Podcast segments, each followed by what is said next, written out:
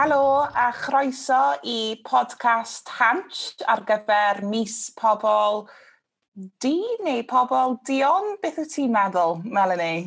Hanes bobl di, dwi'n meddwl. Mae'n swnio'n well i fi yn bersonol. Be amdano ti?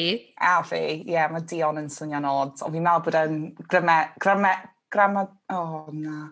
Gramadegol yn iawn, grammatical, ie, yeah. o oh, na, yeah. dwi'n mynd wrong. O, na, mae'n swnio rhy, rhy ffurfio, dwi'n meddwl, yn dydi. Mae fe, oh, dwi'n gwybod, ie, yeah. ond uh, neis cwrdd chdi? Neis i gwrdd ti hefyd. Lle wyt ti?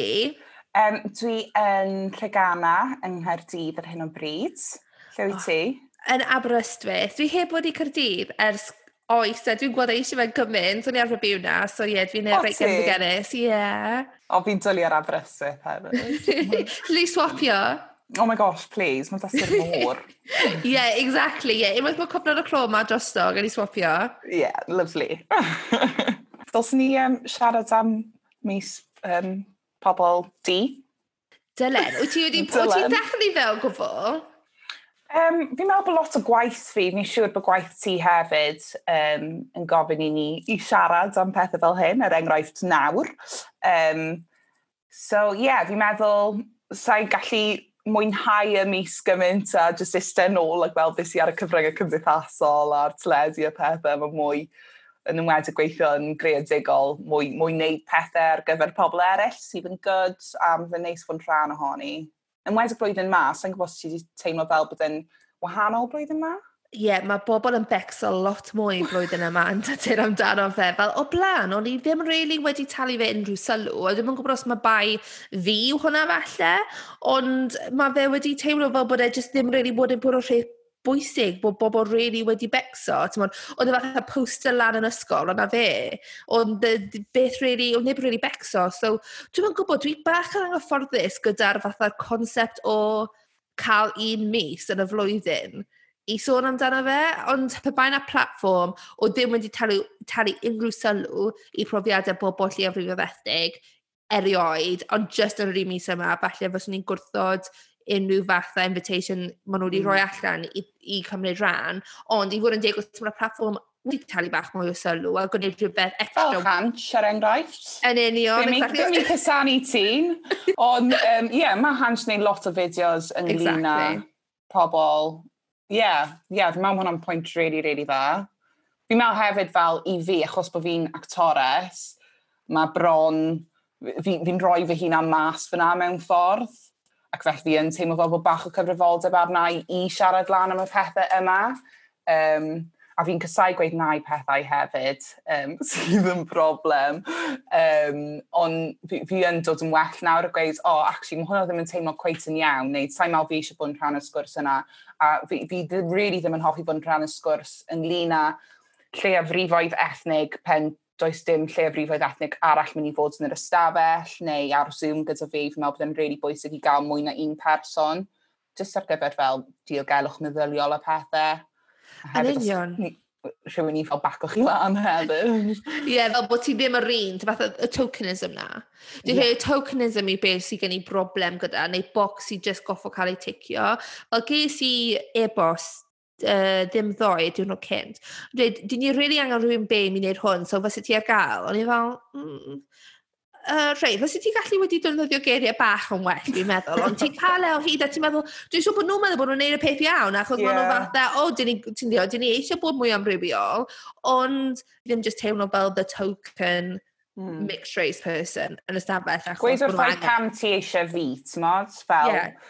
if i siarad am fod yn y celfyddydau, fel sdim ots da fi siarad am hil mewn fel y spectrum o beth fi'n gwybod neu arbenigedd fi. So fel os mae fe y beth i actio a hil, mae hwnna'n teimlo'n lot fwy organic na'n just fel randomly. Yeah. Um, ond hefyd bys ni'n hoffi just cael fy ngofyn am, ti'n modd, actio celf ydy. Ie, as, a, as a fellow human, ti'n bod, just bod... Ie, ie. Mae gen i diddordebau. Um, fi'n meddwl, ni di bron cael dau mis uh, pobl di y blwyddyn yma, um, yn wedyn mm. ebryll yn amlwg ar ôl mae'r rhyfolaeth George Floyd. Um, felly fi yn teimlo blwyddyn yma mae wedi dod o'r amser da, achos oedd pethau'n dechrau twelu, oedd pobl yn tweli'r cyfryngau cymdeithasol ynglyn â um, materion pobl di a hanes pobl di, so mae'n just fel atgoffa ni blwyddyn yma mewn ffordd. Wel, dim fi, fi wastad yn cofio, ond atgoffa pawb arall. Yn um, bod e dan bwysig. Yeah. Dyn ni'n gwybod, dyn ni'n gwybod. Yeah. Dyna pan weithiau dwi'n teimlo fel bod e ddim i bobl sy'n ddi neu aml hil neu lleafrifethig, achos dyn ni ddim yn anghofio. Dwi e ddim fel yn ion nawr, dwi'n anghofio bod pobl di wedi bod trwy'r pethau yma. Dwi, mae fe yn fy meddwl i tragwyddol, ond dwi yn meddwl bod blwyddyn yma bod bobl wedi becso tipyn mwy a mae mwy fatha ar y teledu ac yn y blaen, mae nhw wedi bod fatha documentaries really dda arno ar Sianel, y prif Sianel e hefyd. So mae hwnna dim ond yn gallu bod yn positif a dwi'n credu bod wedi cael lot mwy o trafodaethau gyda bobl falle fyse byth wedi really talu sylw o blaen achos mae nhw wedi eleni achos o popeth fel wedi sti a digwydd yn Ebrill. So nawr maen nhw fel, oh, actually, well ni talu sylw o beth sy'n digwydd. Mae hwnna'n odd yn diwa. E? Fi'n cael cwffl o ffrindiau hefyd yn dod lal ato fi a fel gweud, oh, ti'n pan wedsi'r peth yna pan o'n i fel 13. oh my god. Fel fi'n really sorry. um, so ie, yeah, fi'n meddwl hwnna'n peth da e, hefyd. Mae'n bach yn anghyfforddus, achos mm. mae'n teimlo fel amser hir yn ôl a hefyd fel mae beth dwi'n derbyn heddi, falle ddim beth o'n i'n derbyn blynyddoedd yn ôl. Sa'n gwrs ti'n teimlo'r un ffordd? Ydw, mae fe yn wahanol. Um, dwi, dwi wedi cael amser rili really galed ar fatha cyfryngau cymdeithasol eleni ers i ebryll, achos dwi bron beth yn trafod fatha gwleidyddiaeth a stwff ar Facebook na Twitter a o'r y blaen, achos dwi jyst yn meddwl bod yn adeiladol i gwneud. Ond, mewn ffordd, i fi, dydy hiliaeth neu bod yn fi neu bod yn aml hil, dyw hwnna ddim yn gwleidyddol i fi. Dwi'n dwi credu bod rhaid i chi bod fatha yn gyfnogol o un blaid neu llall i ddim fod yn hilio neu fod yn hilio. Dyle just bod i bawb. Dyle just bod the basics, basically. So, o'n i'n meddwl, rhaid, dwi'n mynd i ddweud rhywbeth oh my gosh, oedd y tan dath nôl i fel, mae'n rhaid i fi symud gatre. Be wedys ti? So gyd-wedais i oedd, achos oedd na bobl yn cael go amdano'r bobl yn mynd ar y protestiadau yma a dweud, uh, oh my gosh, dyn nhw ddim yn ah. becso am Covid ac yn y blaen. A beth ni'n siarad esbonio oedd, mae mwy o bobl ddi, neu lleiafrif ethnig, proportionately, yn marw na bobl gwyn. Mae nhw wedi cymryd y risg a maen nhw mwy debygol o marw o Covid na rhywun gwyn. So os maen nhw wedi cymryd y risg, achos maen nhw'n gwybod bod hyn y moment mor bwysig, mae angen i nhw cael eu lleisio wedi glywed, meddyliwch am hwnna am munud, neu mm. meddyliwch pam mae bobl eisiau cael gwared o'r statues. Ddim jyst dweud, o, oh, maen nhw jyst yn vandals eisiau cymryd y lawr. Just gofynnwch pam mae bobl yn teimlo fel la. O, a o, dath y tan yn ôl, oedd e'n horrible, oedd e'n mor ddrwg. Oedd e'n mor ddrwg. Ond... Mae hwnna'n ofni fi, ti'n gweld. Mae hwnna'n yeah. lot o pethau fi eisiau gweud, wen fi fel O, oh, dwi gallu oh, yeah. delio'n feddyliol gyda cant o pobl ar trydar yn gweud rhywbeth yn wahanol, ond hefyd fi yn teimlo fel bod bron cyfrifoldeb, um, fel rhywun sy'n hun nawr, ti'n meddwl, fi dyma yn fy geiniau, ond ti'n meddwl, bys ni ddim mor hyderus i, i, i siarad lan a ydw i nawr. Felly mae fe'n bwysig i wneud, Um, ond, ti'n modd, dwi e ddim yn cyfrifoldeb arnyn ni chwaith i teimlo fel bod rhaid iddyn ni'n neud e. Os iawn ei synwyr, mae'n ond dau peth. Hollol synwyr. Na, ond mae fe ddau peth, achos dylen ni ddim, ti'n modd, dyna'r cyfrifoldeb ddim bod ar sgwydden ni, ond os dydyn ni ddim yn gwneud pwy sy'n mynd i. Yeah. So, ti'n modd, dyna, ma, fel ti'n ti hollol iawn, mae'r ddau opposite, ond mae'r ddau yn wir mewn ffordd um, a mae fe'n horrible, a mwy na unrhyw beth, fel wedest ti, gyda Trydar, ti'n gallu gweud rhywbeth, mae bobl yn dod nôl, a fel arfer, mae yna bobl really weird, gyda dim profile picture, yeah. a tri bobl yn dilyn nhw, a ti fatha, okay, whatever. Ond wedyn, fatha, ar Facebook, oedd e bobl o'n i wedi'n nabod ers i ni bod yn fach, ti'n modd, a bobl yn y cymuned lleol ac yn y blaen, a ni fel, oh gosh, timod, ydw i fod ddim hoffi gyd o'r bobl yma, achos fydda i gan fatha neb ar, ar un lle, ti'n modd, achos i fe jyst diffyg addysg, 'dyn nhw ddim yn gyfarwydd gyda y ffordd mae bobl lleafrif ethnig yn meddwl, ond be oedd yn brifo mm. fi mwyn unrhyw beth oedd bod nhw ddim eisiau gwybod, o'n nhw jyst eisiau dewis ochr a yr ochr oedd bod nhw ddim eisiau bod yr ochr bobl di oedd yn brifo ar, ar y pryd. Mm. Ie, yeah, fi'n meddwl dyna un o problemau gyda fod yn aml hil yn diwe, achos mae aelodau yn teulu ni'n wyn, mm. um, ac weithiau mae ma pobl gallu cael beirniadau sy'ch chi'n cytuno gyda, um, a dylsyn nhw gwybod yn well. Felly fi'n gwybod bod mae'n teision hefyd o fod gyda croen fwy golau pethau, ond mae yna conflict fyna yn does na. Yn wedi gyda fel ffrindiau teulu neu rhywun, a ddim eisiau fel upset o'r balans. Um, yn enwedig yn ardeloedd fwy gwledig a llai, chymod, so chi gallu just fel anwybyddu rhywun os chi'n mynd i weld nhw o hyd, sa'n gwybod sy'n teimlo hwnna. O, oh, ie, yeah, mae fe mor galed. Pan wyt ti yn aml hil, achos mae'r dau hanner na yn does. A fel ti'n dweud, mae rhywun yn dy teulu ti, dwi'n gwybod bethau ewyth o'r rhywbeth, yn gallu bod yn wyn, a hollol caru ti, Ond maen nhw'n dweud rhywbeth hiliol a ti fatha "oh gosh mae hwn... sut dwi'n delio gyda hwn?" Achos maen nhw'n hoff... ma- mwyn, obviously maen nhw'n caru fi achos maen nhw'n ewythr i fi ond maen nhw'n dweud rhywbeth hiliol be dwi fod hmm. weid. Fi eisiau dod nôl i rhywbeth o ti wedi gweud gyna, achos mae fe rili mm. ti fel rhoi um, fel um, inspiration i fi. Um, y beth i bod hwn ddim yn rhywbeth uh, gwleidyddol um, a dylse pa, pwy bod yn parti mae pobl yn dilyn, dylse hwnna ddim cael effaith a os maen nhw'n meddwl bod bywydau di o bwys neu ddim. Um, achos fi'n meddwl yn aml, mae fe fel, o, oh, a heno ni'n mynd i cael dadl am, o ti bywydau pobl di o bwys? Mae fel, beth yw'r dadl? Sa'i cweit yn deall beth, beth yw'r opposite i hwnna?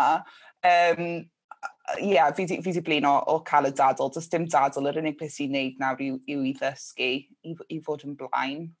Um, a o, o, os mae pobl eisiau dadle fe, mae rhaid chi cwestiynu os mae cael nhw yn y lle iawn, os mae'r dadl werth e. Um, yeah, exactly. Pam yn i'n cael o? Pam ni'n hyn o hmm. trafod hyn 2020. Yeah. Pam ni da... A fel, mae'r Sianeli, fel prif Sianeli, dal i cael yr un un trafodaeth arno o hyd. Ti'n oes na hiliaeth yn Prydain, oes, done, move yeah, on. Yeah, yeah. Ti'n bod, yw bywydau bobl di o boes, ydyn, move on. Ti'n bod, dyn ni cael troedd bach mwy dyfwn A beth sy'n yeah. actually digwydd. Dim just gofyn cwestiynau yma, cael fatha complete opposites arno, a wedyn dadlu fe, fel petai e ddim completely insulting. Fatha, dwi'n gallu troi arno y teledu fatha amser brecwas, a ddim cael fatha bombardment o bobl yn triad fi, bod bob um, bywyd y bobl ni ddim o bwys. Fi yeah. eisiau bwyta brecwast fi in peace. Dwi'n goffo gwylio'r fath yma trafodaeth. So, dwi'n, o, oh, mae'n hollol gwylltio fi, as you can hear, ond Na, oedd ti dweud... Na, fi'n deall beth i gweud. Pam ni'n dal yn trafod e? yeah, yeah, fi wedi blino trafod fe. Ond, yeah, it is what it is. Tywod fel pan oedd Lawrence Fox ar uh, Question Time, a oedd e fatha, dwi di o gymaint o clywed amhiliaeth. Fel, a fi! A fi hefyd! Tywod, mae os wyt ti'n ei blino, dwi'n ei blino. Exactly, dyn ni eisiau trafod e. I know, dyma bywyd fi, like... For God's sake, Lawrence! o, bod tro wedi gweld bod e ar rhywbeth, dwi'n meddwl, dwi'n gwylio hwnna, absolutely no way. Oedd e yn rhywbeth e o'n i'n gwylio ar Netflix, o'n i fel, off, it is going off. Oh, gwylio fe, oh, god. Ond o'n i just fatha, wyt ti'n gallu clywed dy hunan? Fatha, ie, yeah, ti'n i blino, ond dwi wedi blino teimlo fe. Yeah. That's the difference. Yn union. Fi wedi blino aros yn dawel a wedyn teimlo fel fi methu gweud rhywbeth a wedyn treol gweud rhywbeth a wedyn ddim cael yr ymateb delfrydol fel mae fe jyst fel constant yn diwedd. Ni jyst eisiau byw a wneud swyddi ni a ti'n mod fod yn hapus fel pawb arall. Felly, sa'n gwybod pa mor mor anodd i deall, ond na fe. Um, Dwi'n ffeindio fe'n rili... Beth ti'n to? Sorry. Ti'n gwneud y cylchgrawn? Ie, yeah, dwi'n rhedeg cylchgrawn um, am ysgrifenwyr benywaidd um, cool. sy'n ddim yn proffesiynol. So fath amateur writers, bloggers ac yn y blaen, so eisiau cael ysgrifen nhw allan i gynulleidfa bach mwy llydan. O, oh, fab. Wyt ti'n fel treol neu hwnna'n fel eitha cynhwysol neu fel... Ie, yeah, bendant. Dyn ni, ti'n modd, dwi'n treol... Um, Ie, yeah, ti'n modd, cael pawb ynddo fe, basically, achos dwi'n credu bod yr adran sgwennu mor elitist yn dydi, dal i fod. Um, so dwi'n siarad cynnwys, ti'n modd, mae gennym ni 70% o ysgrifenwyr ni o'r dosbarth gweithio heb bod i prifysgol. Yeah. So, mae gennym ni um, rhywbeth fel 40% yn lleiafrif ethnig, mae gennym ni a 1 in 5, LGBTQ+. So, dyn ni'n cadw gofal, mo, cadw llygad, sori, ar y ffigurau yna, jyst i gwneud siŵr bod ni yn bod yn representative o bawb, achos dyna, mm. os dyn ni ddim, dwi di methu. Os, dwi, os dwi'n methu, ti'n bod, sut gallai gofyn i bobl gwynud yn well os dwi ddim. Yn union. Os ti literally gallu gweld rhywun sy'n edrych fel ti yn gwneud rhywbeth, Ti'n fel, oh, gallai neud hwnna, it's fine. Ti'n meddwl, pam na... Ti'n teimlo fel ges e? ti hwnna o gwbl? Na, oedd na neb i fod yn onest. A oedd e'n, na, oedd unrhyw beth oedd e'n edrych fel fi even slightly, o'n i'n dal arno gyda popeth. O fatha, ridiculously, ti'n meddwl fatha brat, y dolls na? Yeah, yeah. O'n i'n obsessed gyda Sasha doll fi. Oh my god, a fi. Yes, a exactly. O'n i'n brown, o'n i'n fel dyna'r unig un dwi eisiau. No, exactly, achos o ti'n eisiau dal arno i unrhyw beth oedd yn edrych yeah. fel ti, neu ti'n gallu perthnathu iddo? Achos o dim byd i gael. So, oedd y pethau bach fi'n cofio meddwl, fi'n meddwl fi'n edrych fel Beyoncé. Fi ddim yn edrych fel Beyoncé, jyst i fod yn glir. Er, dwi'n meddwl o'n i'n gwybod bod fi'n aml hil pan o'n i'n ifanc, achos obviously o'n i ddim yn rili meddwl am hil o gwbl, ond o'n i'n gwybod bod yna rhywbeth yn wahanol, a yw hwnna rhywbeth o ti wedi, ti'n meddwl amdano pan o'n ti'n ifanc o gwbl? Meddwl, um, ti'n mo, o'n i'n cael fy ngalw enwau o ben o'n i'n pedwar flwydd oed. Oh. Sy'n awful, really. So, o'n i'n ymwybodol cant cant pan o'n i'n eitha ifanc. A o'n i wedi ffeindio dyddiadur yn ddiweddar. Um, o'n i wedi sgwennu pan o'n fi beth i chwech neu saith. A oedd e'n gweud fel, oedd un o athrawon heddi wedi gweud bod fi wedi wneud yn um, bod, bod rhywun arall yn y dosbarth wedi gwneud yn really dda yn ei prawf Saesneg er bod nhw'n dod o deulu gwbl Cymraeg a o'n i'n offended achos o'n i'n hefyd wedi dod o teulu gwbl Cymraeg yn bod i di asiwmo bod fi ddim. Um, so, ie, yeah. yeah, just rhywbeth bach. O'n i'n obviously'n ymwybodol ond ddim cweit yn deall, ond ni'n gwybod bod fi'n cael fy nhrin yn gwahanol. Ond fel ti'n dweud, pan ti'n oedran yna, ti'n gwybod bod y rhywbeth off, o ti'n ddim yn gwybod beth yw e.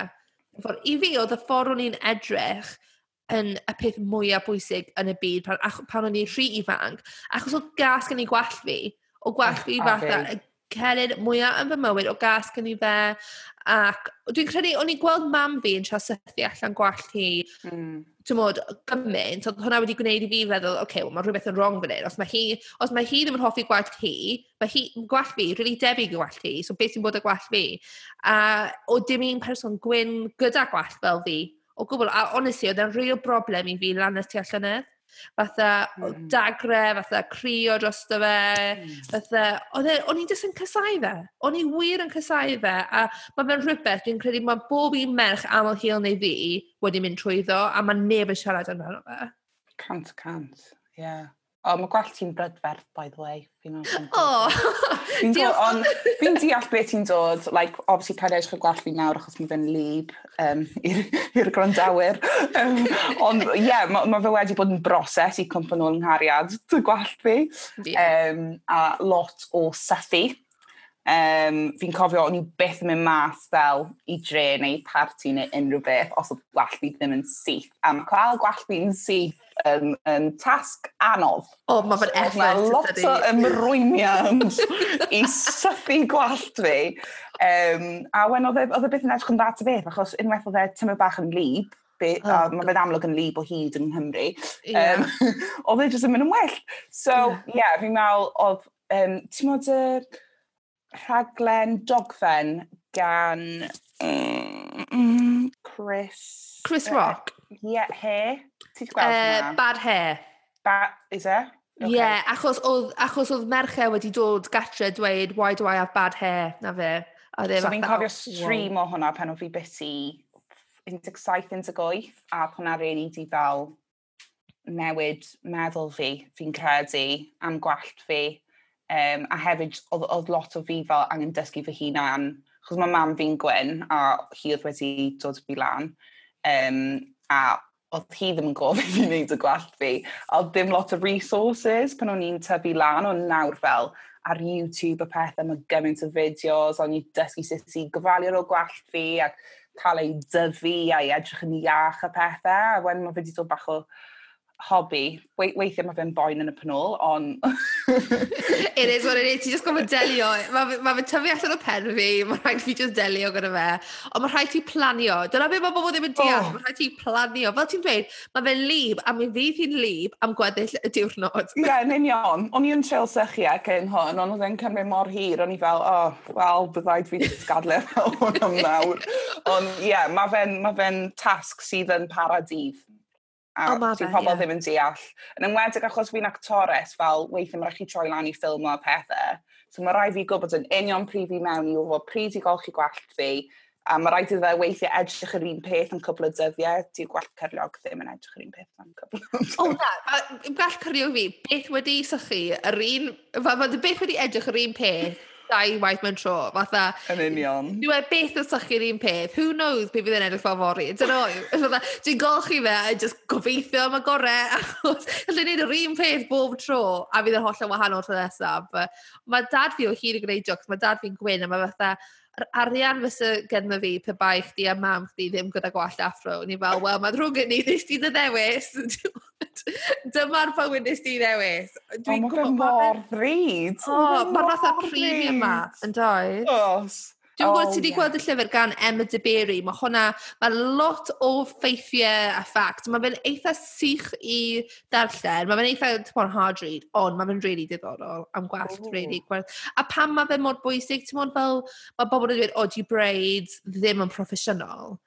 A timod, mae ma mm. sôn am, actually na, maen nhw'n hanesyddol. Maen nhw'n mor, timod, maen nhw'n traddodiadol, jyst ddim i bobl gwyn. Maen nhw'n traddodiadol yeah. i bobl o dras Africanaidd achos o hyn, hyn a hyn. A, so mae hwnna wedi bod yn rili dda i fi, actually, dysgu cwmpo nôl mewn cariad gyda gwell fi. Yeah. Wel, ni arfer um, waitress o'n Llundain pan o'n i'n dechrau gyrfa fi a pethau, a o'n i gyda braids, o'n nhw fel, sorry, ti'n methu cael braids a wneud hwn. Oh a oedd fi cofio fi a merch di arall mewn training dyn gilydd, o'n i'n fel, oh. fel, sa'n gwybod beth i weid, like, fi yn Llundain, fi angen arian, fi'n artist ifanc, um, ond hefyd, saes tynnu gwallt fi mas. Ma, ah, exactly, beth ti eisiau fi? O, oce, na just tynnu allan yn gloi. Yeah, exactly.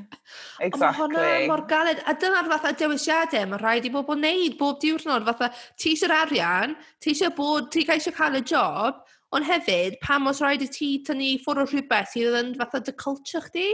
Mm. A ti'n eisiau gwneud ffws chwaith. Hwna yw'n peth mawr. Wneud ffws. Ti'n eisiau bod yr un. Cymraeg, really, falle. So gwybod, fi sy'n lot yn teimlo fel, o, cadw, ti'n cadw yn ysgafn a dim neu gormod o hmm. ffws a fod yn person hapus a, a sa eisiau dod drosodd fel bod fi'n neud ffws ond hefyd mae'n bwysig sefyll lan i, i rai pethau, fi'n credu. Yeah. O, oh, bendant, ie. Yeah. Ti'n eisiau bod y broblem? O, ti'n ti beth eisiau bod yr un yw'r prosi'n problem? Ti'n fel, o, oh, mae Melanie cwyno eto. So, ti'n T'mod, ti'n mynd dweud unrhyw beth. O, yn fy hen waith, dwi'n cofio sawl tro nes i just dim dweud pethau pan o rhywbeth pethau yn really ddrwg. Tymod, fatha really hmm. ddrwg. Mm. A nes i ddim dweud dim byd achos ni fatha, dwi'n eisiau bod yr un mae pawb, fatha, o, oh, mae hi'n cwyno eto. Fi oedd yr unig menyw yn y swyddfa, so oedd hwnna'n, ti'n bod, rheswm arall o'n i ddim eisiau cwyno. A, ond dwi'n edrych nôl nawr, dwi'n fatha, oh my gosh, dyle ddim hyn oed wedi bod yn y sefyllfa yna Timod fel dwi'n cofio rhywun yn dweud wrtho fi bod um, oedd gen i... mae gen i dwylo rili bach by the way. Gwrando Gwrandawyr ddim yn gallu gweld ond mae dwylo fi rili bach. O'n i heb sylwi. Gwrdd, o'n i cadw nhw allan o'r camera, cadw nhw lawr. A oedd yn dweud, o, oh, achos fysa ancestors fi angen nhw am pig o cotton. O'n i fel... Waw. Waw. Reit, oce. Okay. A jyst meddwl, ydw i'n dweud rhywbeth? Ydw i ddim yn dweud rhywbeth? A dda, pan ti'n mynd ystafell llawn, bod pawb yn chwerthin, pawb yn, oh ie, ha ha. Ti fel, oce, okay, ti'n eisiau bod yr un sy'n fatha dynistio'r moment, a be like, hang on, na. Ond hefyd, o'n i fatha, o'n i'n be, 19 ar y pryd, a o'n i ddim wedi bod yn ystafell llawn o ddynion a chwerthin bod fatha slave hands gyda fi. Oedd fatha... Yeah Be, pa o'n i'n o'n i yn y sefyllfa yn, yn, yn, y lle gyntaf, Simon? Mae hwnna'n awful, mae hwnna'n really wael. Am beth o traumatic i angen siarad yn sana fel hyd fi'n fi ffind o. I angen cadw ail fyw, pethau sydd wedi bod yn really galed. A fel, dyma beth sydd fel wedi bod yn neis ym heddiw, just siarad gyda rhywun arall sydd fel deall. So, ti'n mo, mae pethau'n dod lan yn naturiol yn lle fel rhywun yn gofyn cwestiynau penodol. Yeah. Sy'n falle ddim yn sensitif i sut mae fe'n teimlo a pa mor uh, uh, gymaint o dyfnder sydd gyda'r cwestiynau yna. Yn um, union, ie. Yeah. Achos pan ti'n siarad i rhywun fel rhywun yn lleiaf rhywbethnig a ti'n siarad am hiliaeth, ti... Dyn nhw ddim yn sylweddoli bod e'n lot mwy o fatha emotional labour iddo chdi. Mae hwn yn rhywbeth sy'n actually effeithio i fi yn uniongyrchol a mae fe'n mae rhywbeth sy'n effeithio arno fi. Gallech chdi cael, os wyt ti'n gweud, gallech ti cael y trafodaeth yna a anghofio amdano fe a cario ymlaen gyda bywyd ti.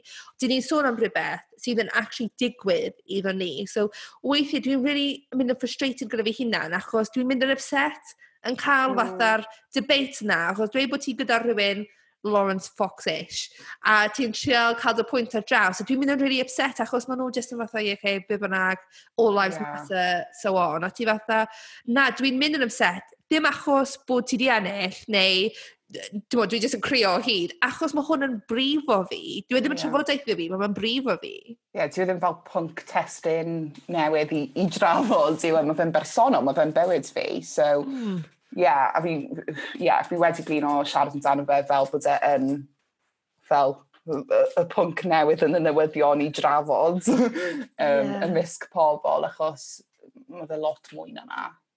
Ie, yeah, mae fe'n bywydau e bobl, yn dydy. Mae fe rir yn bywydau e bobl, ond dwi wedi, ers ebryll, dwi wedi cael sgwrsio gyda rhai bobl, yn wedi fatha, hen bobl, dwi'n eisiau bod yn rhwyd, yn fatha dweud fatha oedran ta ci a nain fi'n eich ac yn y blaen, yn dweud pethau fyswn ni beth wedi disgwyl i nhw ddweud, a fatha, dwi'n cofio, o'n i'n cael um, trafodaeth gyda ffrind i dad cu fi, a twn, ffarmwr o Ceredigion yn y 70au, bron beth wedi gadael Cymru ac yn y blaen.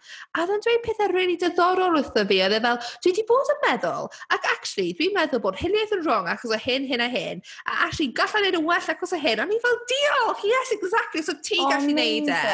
That yeah. win mewn swyddfa, neu 30au gallu neud e. Tymod? So ni fatha... Mae yeah. rhywbeth positif wedi dod. Mae fe jyst yn siom bod rhywun wedi goffo marw amdano hwnna. Yn union. Ie, yeah, mae fe'n siom mae angen edrych fel y positif ohono fe. A fel fi wedi cael lot o sgyrsiau dy teulu, teulu fi hefyd a mae'n gil ceredigion wrth gwrs. um, a fel, fi'n meddwl, mae'n jyst wedi, oedd hi fel, o, oh, ni ddim yn sylweddoli bod bywyd ti fel hwnna, achos mae'n bod yn gwylio fel sgyrsiau fi ti'n neud am pa bynnag o platforms a pethau, achos bys fe jyst heb dod lan fel so, so, o'n i'n meddwl am siarad amdano fe gyda hi o'r blaen, a hefyd yn poeni am ei ymateb hi, ond fi'n meddwl bod wedi helpu dealltwriaeth hi o pwy ydw i a beth mae wedi bod fel, er bod hi wedi bod na'r holl amser, fel beth mae wedi bod fel i dyfu lan fel fi. Um, Sy'n sy peth da fi'n credu. Mae rhaid i rhywbeth da dod o hwn, a fi'n gobeithio bod e fel cario ymlaen nawr fel so, so, so pethau gallu mynd nôl i normal, gobeithio. Na, di, di, mod, di, ddim yn gallu mynd nôl i sut oedd e'r ar blaen yna'r peth, a dwi'n credu mae angen i cario ymlaen i gwthio, achos wrth gwrs oedd y protestiadau yn y newyddion, ond wedyn mae'r newyddion yn cyfro pethau newydd wedyn, a sa bod bobl yn cario ymlaen i gwthio, mi fydd bobl yn mynd nôl i sut oedden nhw yn y gorffennol, a dwi'n just gobeithio bod, os mae rhywbeth positif yn dod allan, o'r blwyddyn yma, dim bod na lot, mae fe wedi bod yn hynod o flwyddyn, os mae rhywbeth yn gallu dod, gobeithio mae dyma oedd fatha the key turning point. Dwi wir yn gobeithio fatha mewn 20 flynyddoedd o bobl yn fatha exam hanes nhw, fatha, right, what happened in 2020 that triggered such and such a newid? Yeah, yeah. A Ti fatha, ie, yeah, hwnna, achos mae hwn wedi trigro newid, gobeithio. A edrych bod popeth yn well. exactly, ie, yeah, bod i ddim yn well. Ie, gobeithio. Ie, na, gobeithio, ie. Mae fe'n well a y blwyddyn yma oedd y troiad yna sydd wedi gwneud yn well. Dwi'n gobeithio. Dwi, dwi yn eitha positif. Dwi'n gwybod bod dim pawb yn, ond dwi'n meddwl mae'n ma teimlo'n wahanol tro yma. Dwi'n meddwl. Fi'n meddwl. So, diolch am gwrando i podcast ni am y mis yma. Dwi wedi really mwynhau siarad gyda Mali. Dwi'n gobeithio bod hi wedi mwynhau siarad i fi. Do, fi rili really mwynhau siarad o ti. A dwi'n gobeithio fydd ni'n gallu gwneud fideo arall gyda'n gilydd falle yn y dyfodol. Ie, yeah, bys o'n neis. Nice. Cwrdd yn person falle. Yn union, dim just yn 2D. Ie. Yeah.